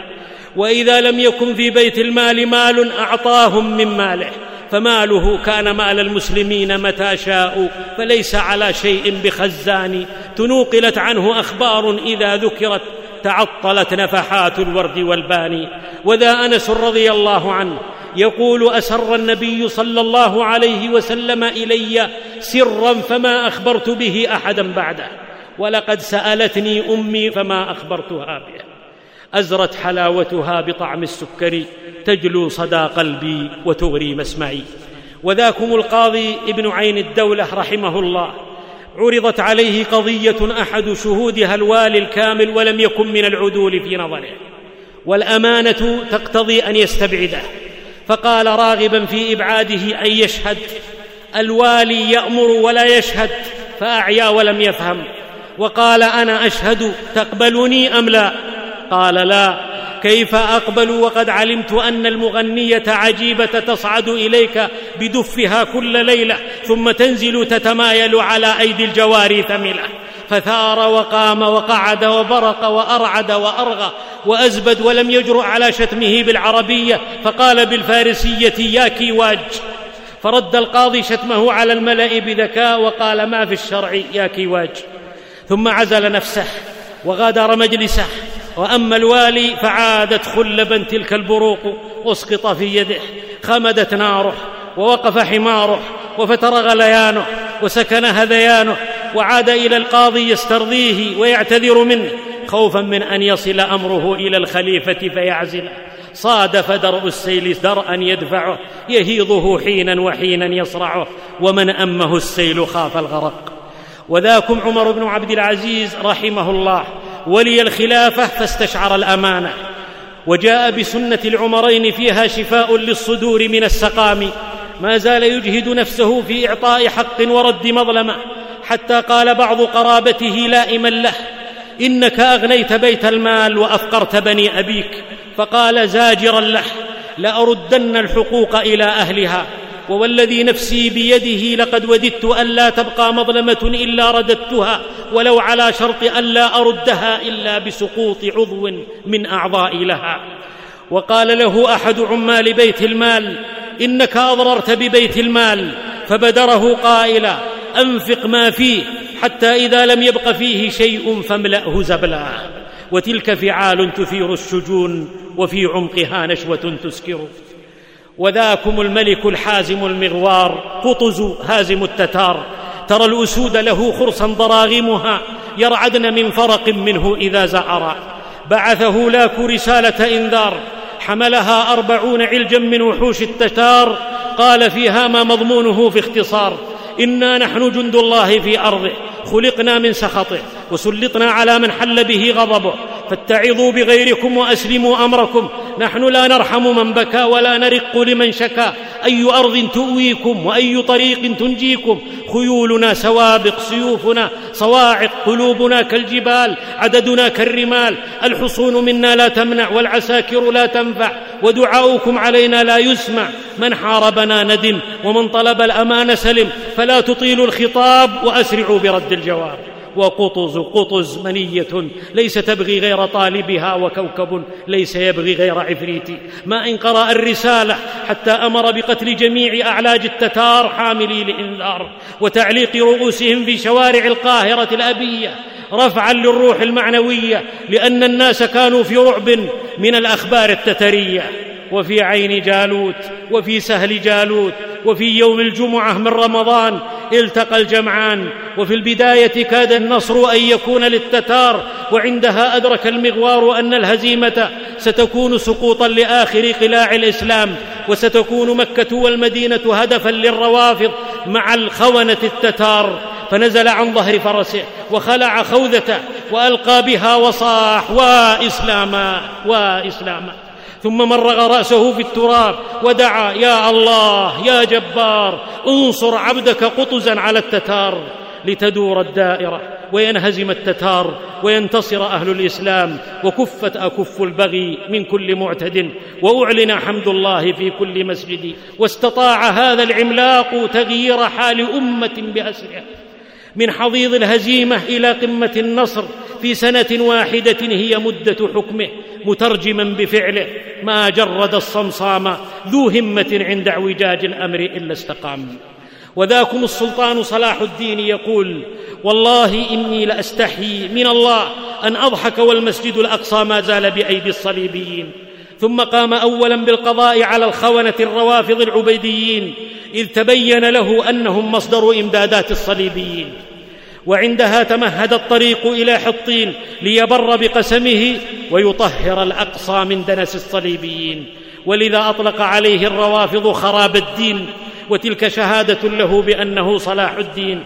فما ضرني نذل غدا وهو لي شاني. إذا رضيت عني كرام عشيرتي فغربانها لا يخطرون على بالي. وذاكم ابن العربي القاضي المالكي كالسيل يهدم كل موبوء ردي. قام بأمانة الوقوف في وجه الباطل لما ولي أمانة القضاء وأوذي فتجلد للأذى. يقول حكمت بين الناس فألزمتهم الصلاة والأمر بالمعروف والنهي عن المنكر حتى لم يك في البلد منكر. واشتد الخطب على أهل الغصب وعظم على الفسقة الكرب فتألبوا وألبوا وثاروا علي فاستسلمت لأمر الله وأمرت كل من حولي ألا يدفعوا عن داري وخرجت على السطوح بنفسي فعاثوا علي في داري حتى أمسيت سليب الدار ولولا ما سبق من حسن الأقدار لكنت قتيل الدار. والحال متى تفز بموالاة الإله يد؟ فعادي يا أيها المخلوق أوالي لا خير في الدنيا إذا ما لم يقم أمر بمعروف ونهي عن ردي لم أزل من فعله ذا ثملا لم أذق راحا وما طفت بحاني. وذاكم الشيخ محمد الطيب الشنقيطي رحمه الله. يذكر أحد تلاميذه وهو يدرس عليه في بيته في حوالي عام ثلاثة عشر وأربعمائة وألف للهجرة أنه كان في غرفة الدرس صندوق كلما جاء وجده فسأل الشيخ عنه فقال رحمه الله هذا الصندوق أمانة تركها عندي شخص منذ عام أربعة وثمانين وثلاثمائة وألف للهجرة فلم يرجع ولم أفتح وما زلت أنتظر قدومه. ذي معان لو خطرنا على صخرة مادت من الطرب كأن حروفها في سلب عقلي سلاف عتقت من عهد عادي. إنهم أتباع رسول الله أولئك الذين هدى الله. قفوه في استنان وابتهاج وذاقوا عذب سنته ونالوا بطيب مزاجها.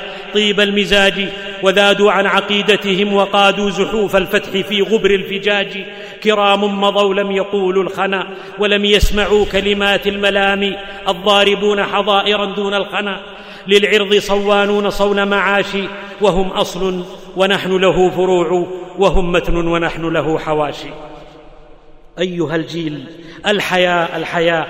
إن الحياء سياج أخلاق الفتى. من حازه حاز الفضائل اجمعا إن الحياء نعمة عظيمة وهو لمن فاز به غنيمة وشامة وشيمة وزينة. حياء من الله أن تخطو خطوة لغيره. وراقب الله الذي يراقبك في الأمر كله وقد يعاقبك. حياء من الله أن تبارزه بالمعصية وهو يوالي عليك نعمة. كل معافى إلا من جاهر بمعصية الله. حياء من الله أن تعصي الله في بيته وبين يديه. بهاتف أو نحوه. حياء من الله. إذا عملت فاذكر نظره. وإذا تكلمت فاذكر سمعه. وإذا أضمرت سوءا فاذكر علمه. فالسر عند ربنا علانية. والله لا تخفى عليه خافية. حياء من الكرام الكاتبين. أن يروا منك ما تستحي. أن يراك عليه من هو مثلك. حياء من نفسك. أن تعمل عملا في السر تستحي منه في العلانية. وأن تريق ماء وجهك لمن لا ماء في وجهه. فإن إراقة ماء الحياة دون إراقة ماء المحيا. واستغن بالذي أغنى وأقنى. فلا معان غير من اعانا ولا مهان غير من اهانا نزع الحياء عين الهلكة. ومتى نزع الحياء فليس إلا نفس دنية جلالة. لا تستقدر شيئا. ووجه وقاح لا يميز حسانا من قباح. يقول ما أحب ويصنع ما شاء. ورفيع القدر يأبى أن يرى نفسه إلا على أعلى القمم. وإذا لم تستحي فاصنع ما شئت. أيها الجيل الأمانة الأمانة. يمم حماها لا تحد عن بابها فهناك تبلغ غاية المقصود. الأمانة فيما بينك وبين الله قياما بفرائضه ووقوفا عند حدوده. الصلاة أمانة وأول ما يحاسب عليه العبد يوم القيامة. الزكاة أمانة وما من صاحب ذهب ولا فضة لا يؤدي حقها إلا صفحت له صفائح من نار يكوى بها جنبه وجبينه وظهره يوم القيامة. كل تكليف أمانة. من أدى غنم ومن قصر غرم. وأول التعظيم لله الأجل تعظيم أمره بجد ووجل. الأمير والقاضي والمدير والناظر والوصي. وكل ذي ولاية مؤتمن ومسؤول عن أمانته. لا يحابي في ذلك أحدا. ولا يولي إلا الاكفى ليتمنين أقوام يوم القيامة أن ذوائبهم معلقة بالثريا يدلدلون بين السماء والأرض وأنهم لم يلوا ولاية. الموظف مؤتمن على عمله يخلص فيه يعنى بإجادته وإنجازه. لا يقدم أحدا لصلة به ولا يأخذ ما ليس له. والله لا يأخذ أحد منكم شيئا بغير حقه إلا لقي الله يحمله يوم القيامة ومن يغلل يأتي بما غل يوم القيامة. البيع والشراء والمعاملة أمانة. لا تطفف في كيل أو وزن أبدا ولا تكتم عيبا. لا غش ولا تدليس ولا ربا ولا اعتداء. مستشعرا ويل للمطففين. من غش فليس منا. الربا ثلاثة وسبعون بابا. أيسرها مثل أن ينكح الرجل أمه. ودرهم ربا أشد من ست وثلاثين زنيا وأرض الربا استطالة الرجل في عرض أخيه. أموال الناس أمانة. من أخذها يريد أداءها أدى الله عنه. ومن أخذها يريد إتلافها أتلفه الله. ولي اليتيم مؤتمن على تربيته وحفظ ماله. من فرط أو أهمل فالويل له. كل نعمة أنعم الله بها على العبد أمانة وسيسأل عنها يوم القيامة. تقويم ناشئة الأمة وتعويدهم فعل الخير وترك الشر والقيام بالحقوق الواجبة أمانة. من أداها عظم أجره ومن نكث فإنما ينكث على نفسه. الخادم أمانة عند من يخدمه يحسن إليه ولا يكلفه فوق طاقته. الأجير عند صاحب العمل أمانة يوفيه أجره قبل أن يجف عرقه. والله خصمه إن استوفى منه ولم يعطه اجره من أدى ما عليه من حق على الوجه الذي يطلبه الشرع فقد ربح وبر ومن فرط فقد خان وخسر وتبت يداه وتب. وربك يعلم ما في الصدور ويعلم خائنة الأعين. أيها الجيل الصحبة رق لا تضع رقك في يد لا تستحق. واختر ذوي التمييز واستبقهم وجانب النوكى وأهل الريب وابلوا الرجال وللخلال تفقدي فإذا ظفرت بذي الأمانة والحيا فبه اليدين قرير عين فاشددي واحذر مقارنة القرين الأجرب ما كل عود به نفح من العود. فاحذر دجاجلة يبغونها عوجا. حديثهم محض تدليس وبهتان. عن فحمة بن دخان عن أبي شرر كير عن الشيخ مطراق بن سندان.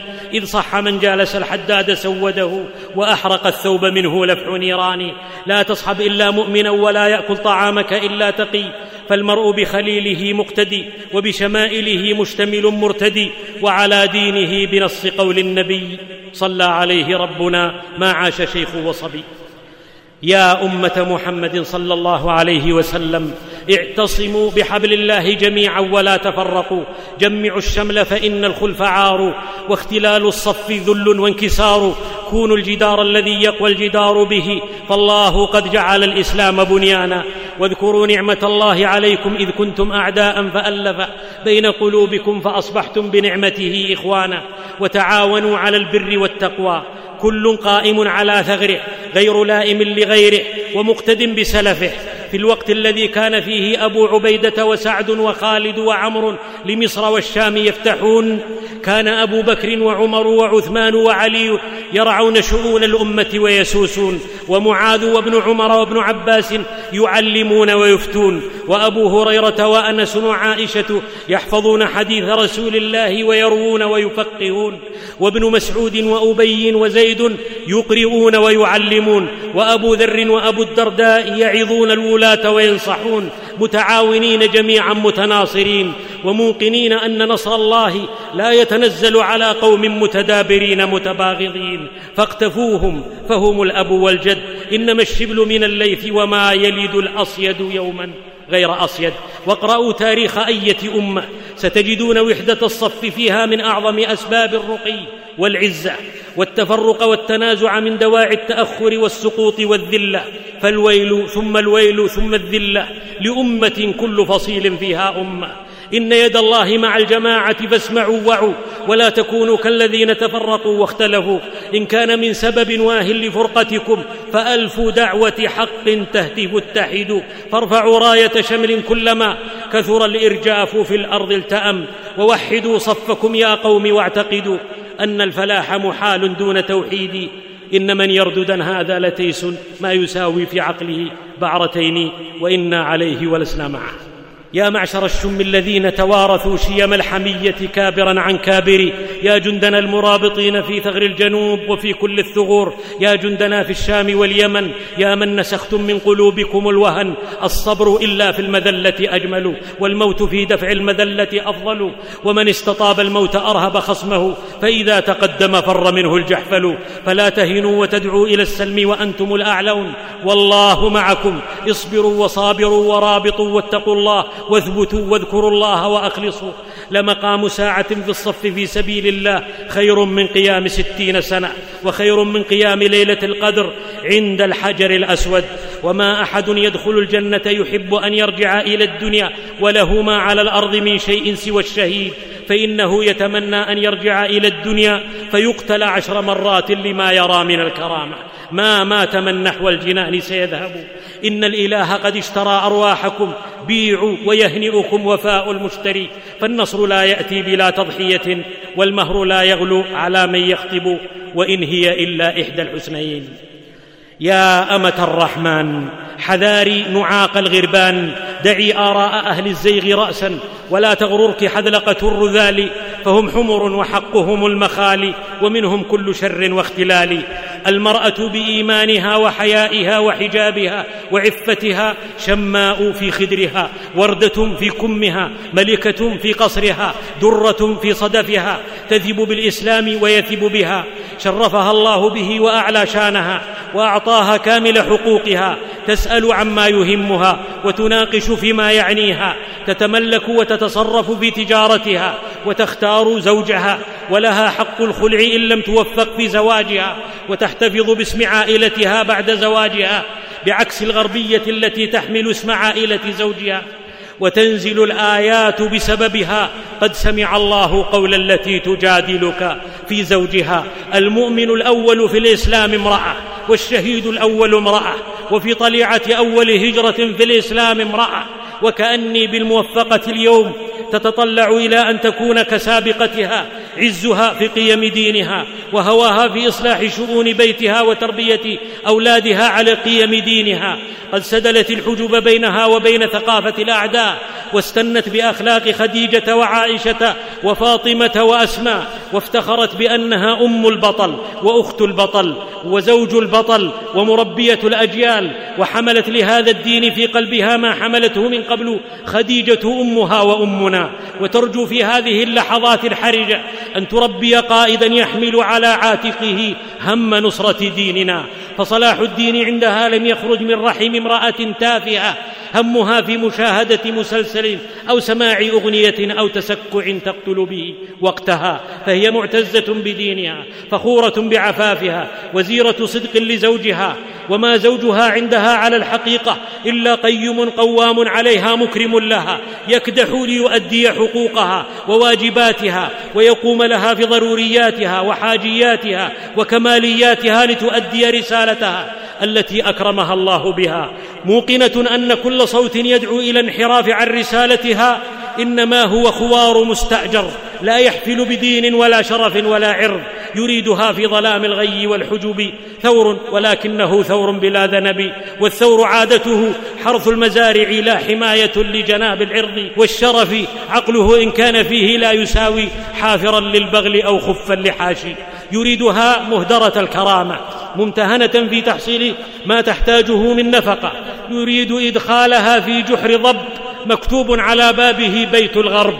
يريدها كالغربية التي تضطر لخلع ملابسها في إعلان تبدو فيه شبه عاري لتحصل على لعاعة تنفق بها على نفسها. يريدها خادمة في مقهى راقصة في ملهى ممتهنة على متن طائرة وقحة مسترجلة.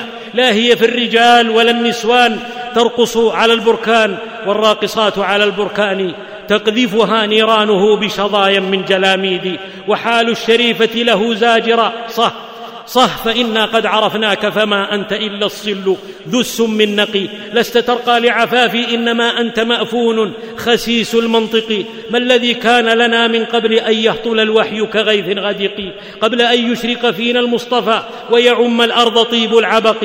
ما الذي يبقى إذا من زاح من أفقنا بدر العفاف المشرق؟ وتقول لأختها لا ترهفي سمع الحفي لقالة ابدا بها بوم المجانة ينعق. لا تسلكي درب الغواة فإنه يفضي بسالكه لباب جهنم. وللأولياء قوا أنفسكم وأهليكم نارا. متى كانت حياة البيت عارا؟ فكيف يعيش ذو الأنف الحمي؟ ومن يعنى بتربية الصبي؟ وإن كان التمدن في التعري فما فضل الحصان على البغي؟ وأين البيت من هدي النبي؟ ولبغال الغرب الجرب. من يرون الغضب للعرض من التوافه وهم أتفه التوافه. دون ما ترومون خرط القتاد. ووالله لا نصغي إليكم ولو حوت. أناملكم ما بين شرق ومغرب. لو كان عز الناس في عري الخنا لسمت به قبل الأنام بهائم. وأولا وآخرا. من كان مولاه شيطانا يضلله عن الطريق فإن الله مولانا. أيها الجيل أنت من دينك في أرفع قمة فاملأ الدنيا بإيمان وهمة. فجرك القرآن والسنة يمحو ما تلاقى من خطوب مدلهمة. بإيمانك وغيرتك أنت تمثل الأمة أنت دفاع الأمة وإعلام الأمة وبيت مال الأمة وصرخات ونداءات أهلنا في الشام والعراق والأحواز واليمن وتركستان وأركان وفي كل مكان موجهة إليك لا إلى غيرك. فابذل ما بوسعك ولا تحتقر نفسك. نصرة المظلوم حق يلزمك. ايا كان منصبك وموقعك. حرك المعتصم الجيش انتصارا. لفتاة صوتها الباكي تظلم. خاضها معركة كبرى أعادت. هيبة في نفس من خان وأجرم. أنضج السيف جلود الروم فيها قبل أن تنضج أعناب وتصرم وعدا قراصنة من بلاد السند على سفينة فيها عائلات مسلمة فخطفوهن. فصرخت مسلمة منهن وحجاجا. سمعها مسلم بتلك الديار فلم يتجاهل الأمر بل فعل ما بالوسع. ركب البحر والبر وجد في السير حتى بلغ الحجاج بالأمر. فصاح الحجاج لبيك يا امرأة وبعث إلى ملك السند يأمره برد النساء على الفور. فاعتذر بعدم قدرته على لصوص البحر فقرر الحجاج الرد وجهز جيشا بقيادة بن القاسم الفذ قوامه أو قوامه ستة آلاف فرد فتقدم بجيشه وفتح بلاد السند وقضى على لصوص البحر وخلص المسلمات من الأسر ولما جيء بهن إلى الحجاج قال للمرأة هل لبينا نداءك يا امرأة؟ قال الحال نعم تركت فؤاد الكفر في السند طائرا وقد كان زآرا فها هو لاهث هذا مسلم فعل ما بوسعه سمع ما سمع فبلغه لمن له الأمر فكان ما سرني وسرك. فاجعل لهموم الأمة موقعا في قلبك. إذا حضر طعامك فتذكر جياع إخوانك. إذا أمنت مع أسرتك فاذكر اسرا مذعورة منكوبة لإخوانك. ثم ابذل لهم من ضروريات حياتك فضلا عن كمالياتها ما أمكنك. يا أيها التاجر الميسور ابذل مالك. يا ذا الجاه والمنصب اسعى بسلطانك. يا ذا العلم بصر وحرض بلسانك. يا أيها الإعلامي والكاتب ناضل بمدادك. يا أيها الضعيف الذي لا يملك شيئا اضرع لمولاك. إنما تنصر الأمة بدعاك. لا تكونا من هوان وتدى. واحذرا يوما بأن ترضى الدنية. من لم يجد بماله أو لسانه أو قلمه فلن يجود يوما بدمه. المسلم أخو المسلم لا يخذله. من تخاذل عن نصرة أخيه فالله له بالمرصاد يخذله. المال مال الله ونحن مستخلفون فيه وما منا من أحد إلا سيكلمه ربه والنار تلقاء وجهه فاتقوا النار ولو بشق تمرة وما تقدموا لأنفسكم من خير تجدوه عند الله وما أنفقتم من شيء فهو يخلفه ومن ظن بمعروف عددناه من الموتى وكانت راحة منه ومن سوف ومن حتى ومن يبخل فإنما يبخل عن نفسه يا أمة محمد صلى الله عليه وسلم خذوا حذركم. لا تحقروا كيد العدو الأرذل. تدمي البعوضة مقلة الأسد الذي يغفو وتمرضه إذا لم تقتلي.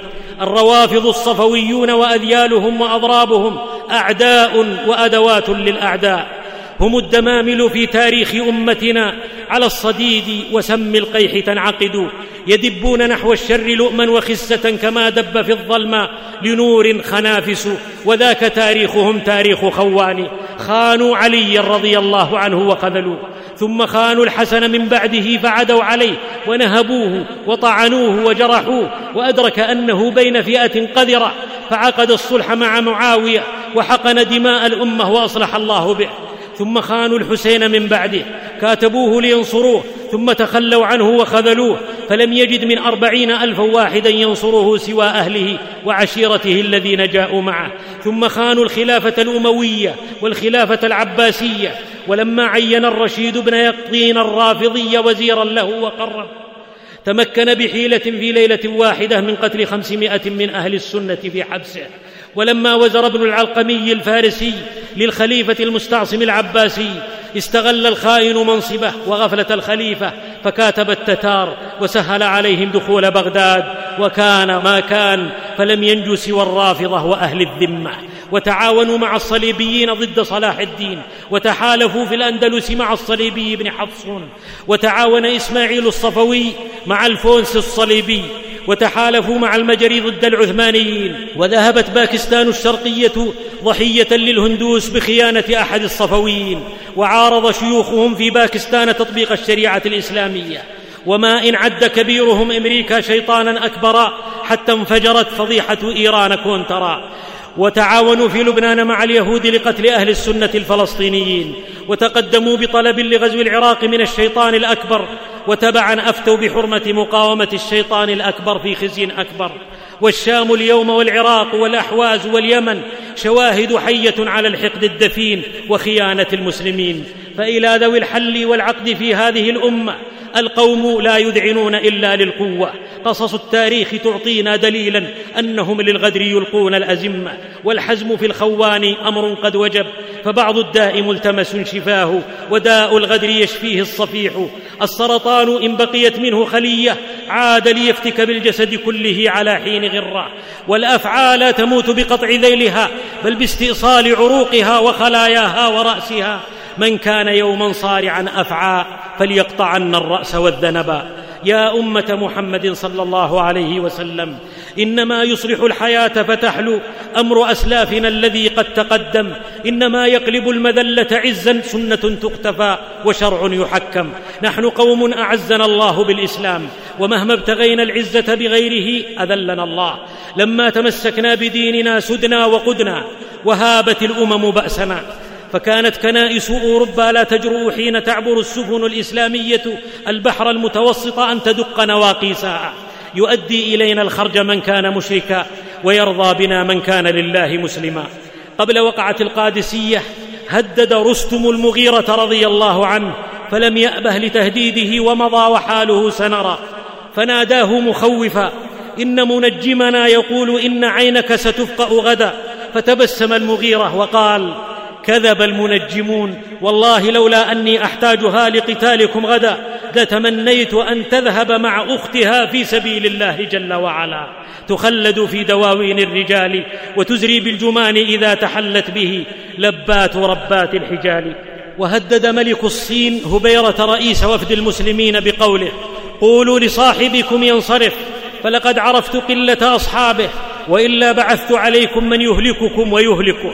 فقال هبيرة كيف يكون قليل الأصحاب من أول خيله في بلادك وآخرها في منابت الزيتون؟ هنالك وقد خلف الدنيا قادرا عليها وغزاك. أما تخويفك لنا بالقتل فإنا لا نخاف ولا نكره القتل وإن لنا اجالا إذا حضرت فأكرمها القتل. فكان حاله وقد راعه الرد. ما أظن ملك هؤلاء إلا غالبا جميع الأرض.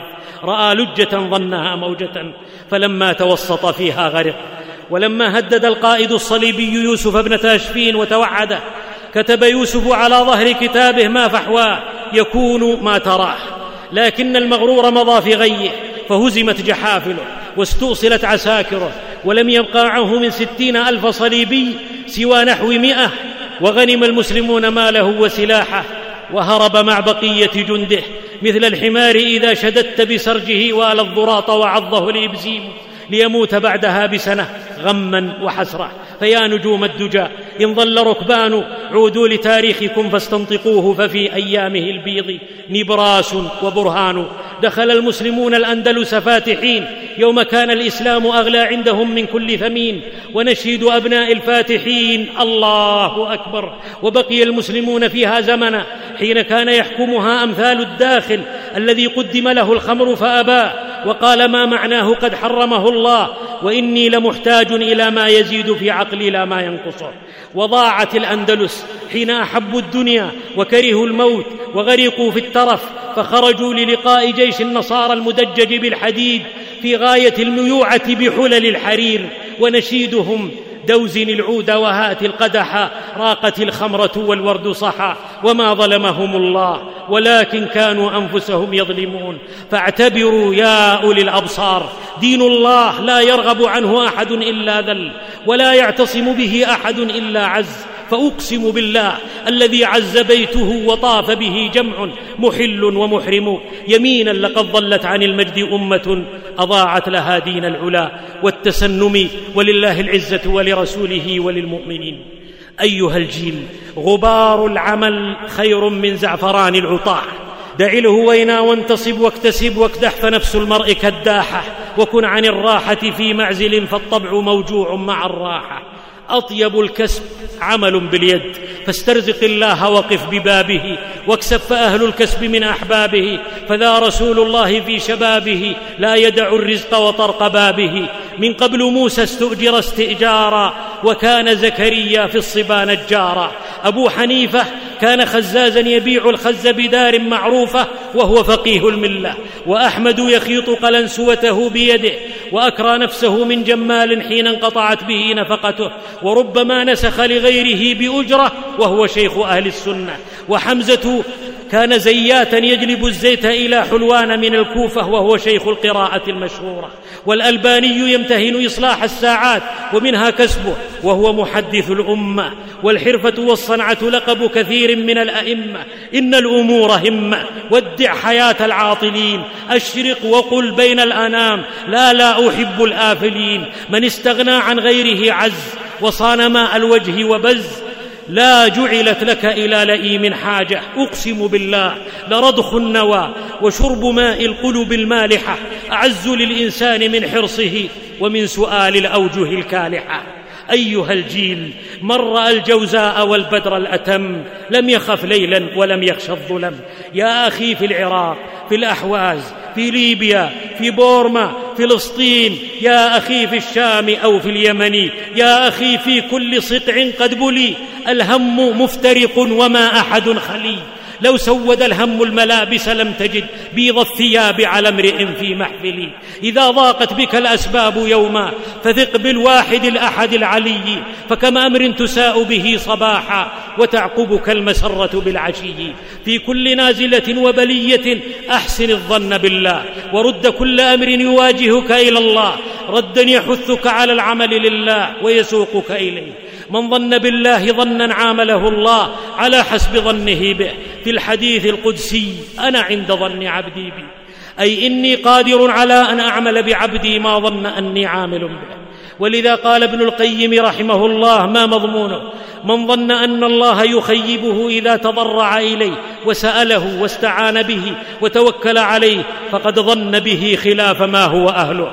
ومن ظن أن الله يسلط أعداءه على أوليائه تسليطا دائما فقد ظن بالله أقبح الظن وأسوأه. أرني من قصد الله فخيبه أو توكل عليه فخذله. ومن قبل قال ابن مسعود رضي الله عنه والذي لا إله غيره ما أعطي مؤمن شيئا خيرا من حسن الظن بالله والذي لا إله غيره لا يحسن عبد بالله الظن إلا أعطاه ظنه. ذلك أن الخير بيده. ذلك أن الخير بيده فليكن حالك في كل رزية. أنا لا اياس مهما اشتد خطب. أنا لله تعالى الله عبد. خلف الغيوم نجوم وتحت الثلوج مروج.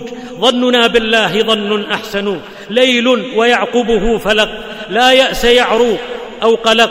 والله لو جرف المحيط بيوتنا ورمت بنا خلف المحيط زوابع لظللت أؤمن أن أمتنا لها يوم من الأمجاد أبيض ناصع ولن يجعل الله للكافرين على المؤمنين سبيلا.